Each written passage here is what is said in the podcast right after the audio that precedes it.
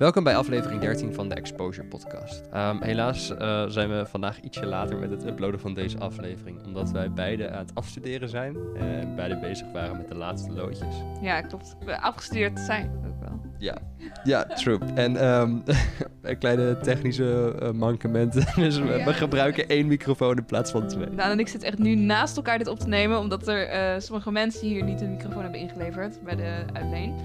Uh, vandaag gaan we het werk van Lars van der Net bespreken.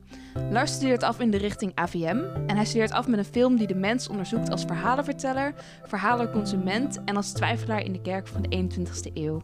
Ja, Lars is een filmmaker die zich interesseert voor andermans denken en voor het begrijpen van het onvermogen van de mens.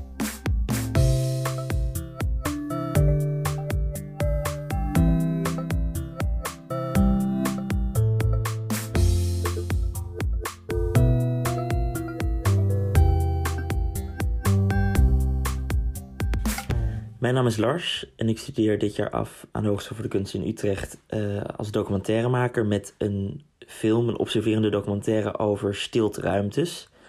Um, dit zijn, ja, eigenlijk een beetje duur gezegd, universeel contemplatieve binnenruimtes waar mensen zich kunnen bezinnen. En deze ruimtes vind je overal, alleen weet eigenlijk niemand dat ze er zijn. Um, denk aan universiteiten, uh, treinstations, uh, vliegvelden, ziekenhuizen, gevangenissen, legerbasissen. Overal vind je die dingen.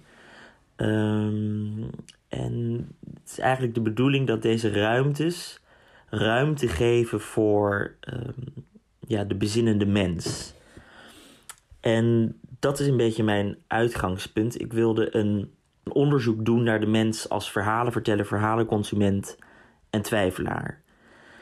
Um, en dit komt eigenlijk voort uit mijn fascinatie voor geloof. Um, ik kwam erachter dat bij een groot deel van mijn leeftijdsgenoten en ik zelf ook uh, een enorme aversie bestaat tegenover geloof. Uh, mensen wijzen het af, uh, denken hoe kun je nou zo dom zijn.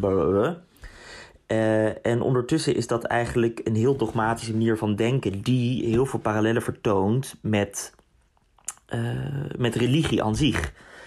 Uh, dus toen dacht ik, hé, hey, dat is apart en interessant. Um, hoeveel fictie nemen we aan in ons dagelijks leven? En in hoeverre houden we onszelf eigenlijk misschien een beetje voor de gek? Zeggen we dat we, of schreeuwen we eigenlijk heel hard dat we niet gelovig zijn, maar onderwijl nemen we veel meer fictie aan dan we onszelf willen doen geloven. Uh, want dat is natuurlijk geloof. Geloof is verhaal, narratief. En verhalen bestaan bij zij uh, die erin geloven. Of met de gratie van zij die erin geloven. Um, deze stilteruimtes, dus een beetje de kerk van de 21ste eeuw, zijn een van de weinige plekken waar mensen zich op een speciaal ingerichte en universele plek uh, kunnen bezinnen zonder dat er grote gevestigde religies of levenswijzen aan de ruimte verbonden zijn. Dus het is eigenlijk carte blanche voor het eigen verhaal, de eigen interpretatie. Dus. Uh, en de ruimtes staan in die zin symbool voor een maatschappelijke ontwikkeling die al sinds de jaren 50 aan de gang is, waarin geloof een meer individuele dan collectieve aangelegenheid wordt. Um, in de film volgen we op observerende wijze het rijlen en zeilen van een aantal stilteruimtes op heel uiteenlopende plekken. En we onderzoeken hoe deze ruimtes worden gebruikt en door wie. En wat vertelt dit over onze intrinsieke behoeften, over onze drang naar verhalen uh, en duiding en onze aversie tegen de twijfel? Uh, het is de bedoeling dat de film balanceert tussen het sacrale en het banale, uh, waarbij ieder personage of iedere situatie met respect wordt benaderd, maar ook een zekere mate van herkenning moet oproepen bij de kijker. Wauw, mooi verhaal. Um, wat vond je ervan, eh, Elisa, van de film? Ja, mooi verhaal, maar ook uh, mooie film. We hebben net een stukje gezien daarvan. Um, het was wel een lange film ook. Um, ja, ik vond het heel mooi dat het ook wel echt... Hij noemt het zelf het sacrale en het banale dat elkaar tegenkomt.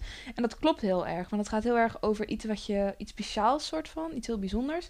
Maar tegelijkertijd merk je dat in die stilteruimtes ook hele normale gesprekken zich ja, afspelen. Dat vond ik heel bijzonder om te zien. Uh, hoe ervaarde jij dat? Ja, ik, nou, ik wist eerst niet zo goed wat hij bedoelde met sacraal en banaal. Uh, maar mm -hmm. ik denk dat ik het snap is... Um, Ach, moeten we misschien eerst eh, eventjes uitleggen wat de film... eh, Even- ja, Lars heeft zelf wel eerst even een korte beschrijving gegeven, maar ik zal zelf ook nog even heel kort eh, vatten wat je in de film ziet. Ehm, in de film Find Yourself a Faith eh, worden verschillende soorten stilteruimtes geportretteerd. Stilteruimtes zijn overal te vinden en het zijn vaak plekken die ruimte geven aan bezinning. Dit kan religieus zijn, maar dat hoeft dus niet. In de film maken we verschillende samenkomsten mee die zich afspelen in de verschillende ruimtes. Ja, ja, en ik vond het heel mooi om te merken dat, nou ja, wat, wat Lars zelf ook zegt, dat dat het veel meer gaat om de individuele ervaring, meer dan een soort van collectieve ervaring. Eh, eigenlijk de, geloof, wat, hoe, hoe mensen het dan ook invullen.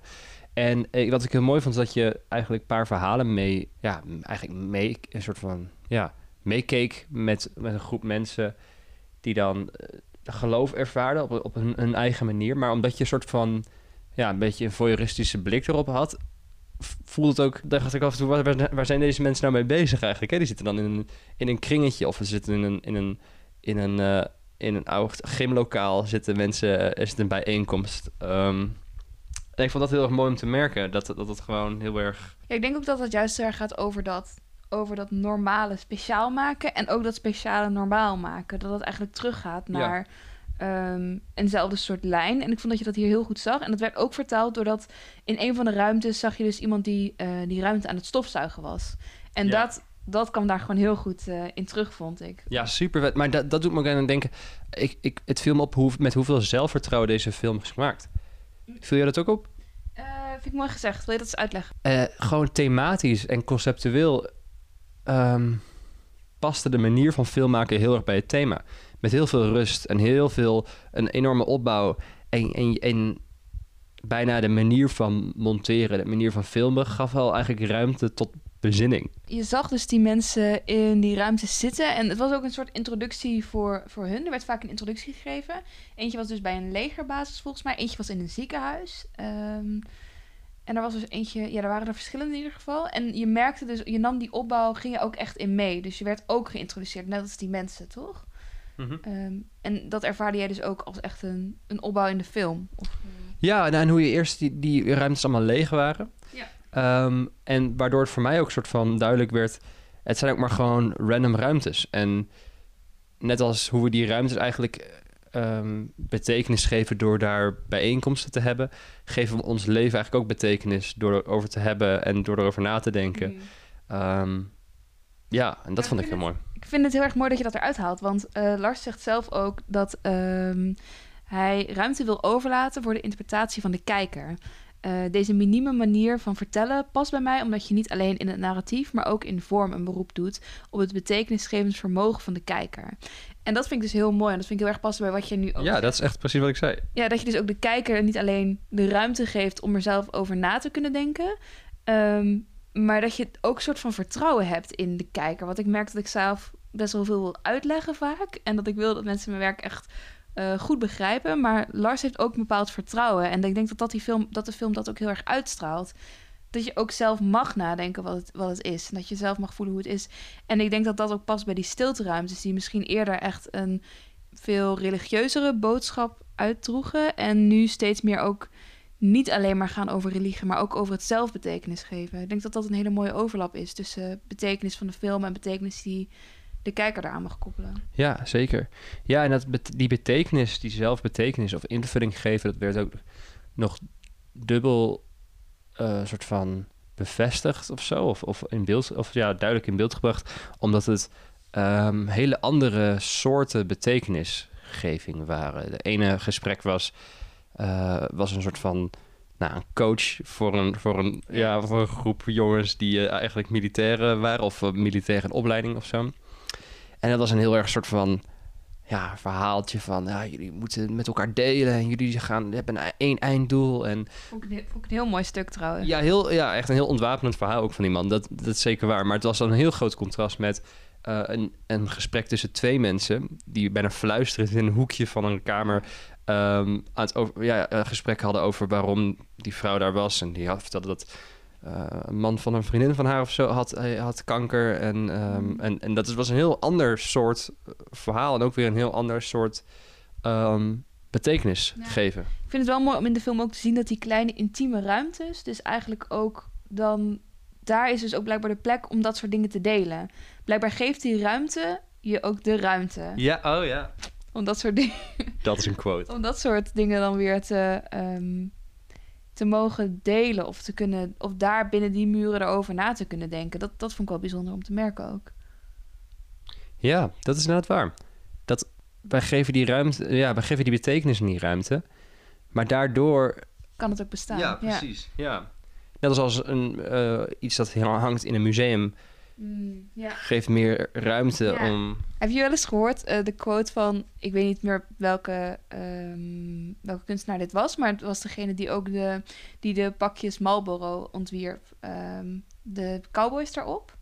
Hij had ook, hij zei een keer dat, eh, dat kunst op een voetstuk gezet wordt en dat, dat dat op dat voetstuk zetten hetzelfde is als dat je een liedje zelf thuis afspeelt of een liedje op de radio hoort. Dat verschil daartussen, dat je dat op die manier ook met, met kunst kon ervaren door het dus in een museum te zien of op een pakje sigaretten. Want die, Mm. die cowboys werden ook wel, die werden, waren ook volgens mij gewoon kunstwerken. Ja. En het verschil van op een pakje sigaretten te zien en op een, in een museum, dat was dan ja, dat verschil daartussen. En dat, dat vind ik ook wel mooi, want zo'n gesprekken hebben ook opeens een hele andere lading Ja. in die ruimtes. Ja, dat is interessant. Ik denk dat er ook heel veel parallellen of soort van raakvlakken zijn tussen kunst en geloof. Is zo van ehm, hoe meer je erin investeert en hoe meer je er ook in gelooft, hoe meer je eruit kan krijgen. Ja. Nou, vind ik wel mooi gezegd. Is er, een, eh, is er iets van, eh van Lars' film wat je extra is bijgebleven? Of iets dat je, dat je extra opviel? Ja, ik, ehm, ik vond het ja, heel mooi dat die, die stilteruimtes allemaal verschillende soorten stiltes hadden. In het begin hoorde je dat. Ja, ja, ja. Vul je dat ook op? ja, maar ik wil heel graag jouw verhaal eh, horen. Of jouw... Je wordt dus ingeleid in die ruimtes met verschillende soorten stiltes, voor mijn gevoel. Ehm, het zijn ook allemaal best wel lichte ruimtes. Dat is wel een overlap tussen, tussen die ruimtes dan. Eh, en in elke ruimte is een andere soort stilte. En soms is het maar een fluistering, maar soms is het ook gewoon een soort geluid van, van ruis. En ik vond het heel mooi om die verschillende stiltes naast elkaar te horen. Ik vond het wel grappig, omdat al die stiltes deden me weer even denken aan... Ik weet nog dat ik als kind probeerde dan zo'n ja, moeilijke oplossingen te zoeken. Of als er dan een moeilijke kwestie zich aandiende, ging ik oplossingen zoeken. En ik weet nog dat ik wel eens dacht van... Oh, misschien kan ik het geluid van stilte opzetten. En dat, dat kon dan niet. En dat frustreerde me heel erg. Dat ik niet stilte kon opzoeken, soort van. En dan ging ik het zoeken wat daar het dichtst bij lag, zeg maar, op een koptelefoon bijvoorbeeld. En dat vind ik heel grappig, dat dat, dan, dat, dat geluid in die ruimte dus wel is gevangen op een bepaalde manier. Wauw. Dat, is zo'n Elise-achtige herinnering, dit ook weer.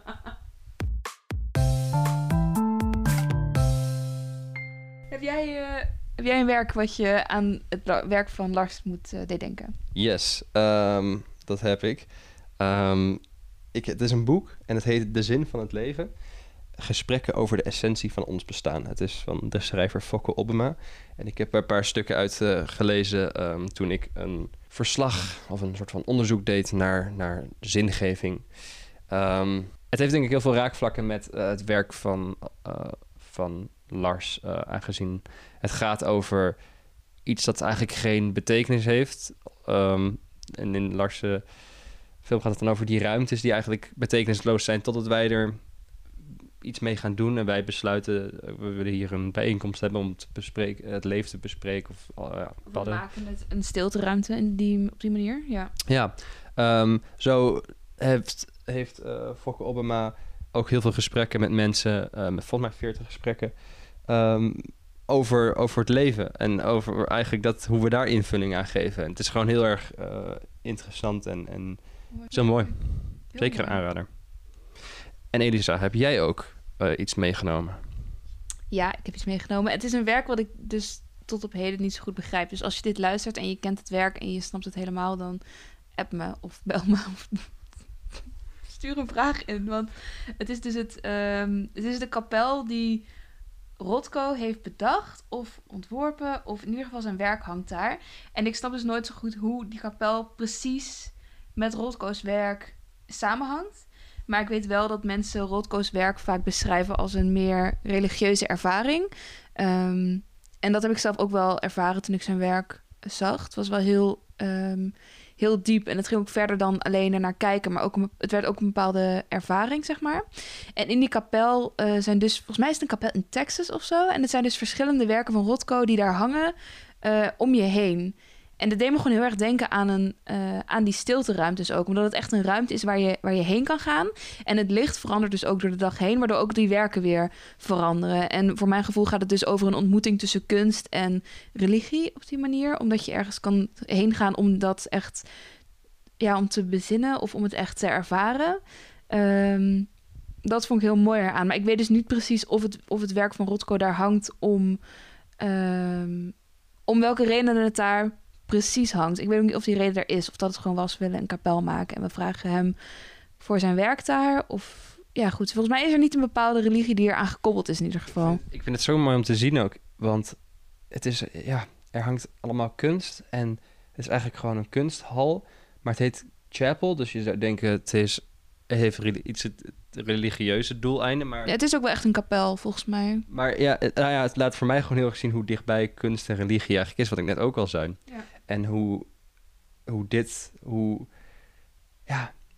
Nou ja, precies ook wat Lars zegt, dat het een veel meer een individuele ervaring is nu, uh, geloof. En dat je, je, kunt, uh, je kunt ook bezinning vinden in, als je op een bankje in een, in een, in een in een hal van een, van een museum zit. Uh, of net zoveel als als je op een bank in een kerk zit. Of, of eigenlijk buiten loopt. En, en ik weet, vind het gewoon mooi om te zien hoe, hoe kunst en religie... Dat, bedenk, dat zie ik, dat het er... Ja, dat klikt nu gewoon, nu, nu ik deze afbeelding zie. Hoe, hoe dicht bij die twee aspecten van het leven eigenlijk zijn. Ja, ik denk ook dat ik het werk heb, ook wel heb gekozen... omdat ik het werk van Rotko ook een keer uh, gezien heb in een expositie. En dat is me heel erg bijgebleven... dat iedereen toen ook gewoon echt heel stil was daar ook. En het was gewoon echt... Iedereen was daar echt voor die ervaring. En niet mm. per se om... Het mooie aan zijn werk is ook dat er niet zo heel veel over, valt te, over te zeggen valt. Er zijn niet zo heel veel dingen waar je het over kan zeggen. Oh, kijk dat vlak, kijk dat vlak. Het is echt. Ik weet ook nog dat ik heel lang naar een werk stond te kijken. En dat het echt veranderde in een soort landschap. En de kleuren leken ook te veranderen. Maar het was niet iets wat ik per se wilde delen. Dat vond ik er heel bijzonder aan. En ik denk dat zijn werk daarom heel geschikt is in deze kapel. Ja. Lars' werk zal te zien zijn op de officiële website van HKU Exposure. exposure.hku.nl. Ehm, en hierna komt het werk van Bent van den Berg van de opleiding IMT. Tot morgen. Tot morgen. Ik mag blijkbaar niks zeggen.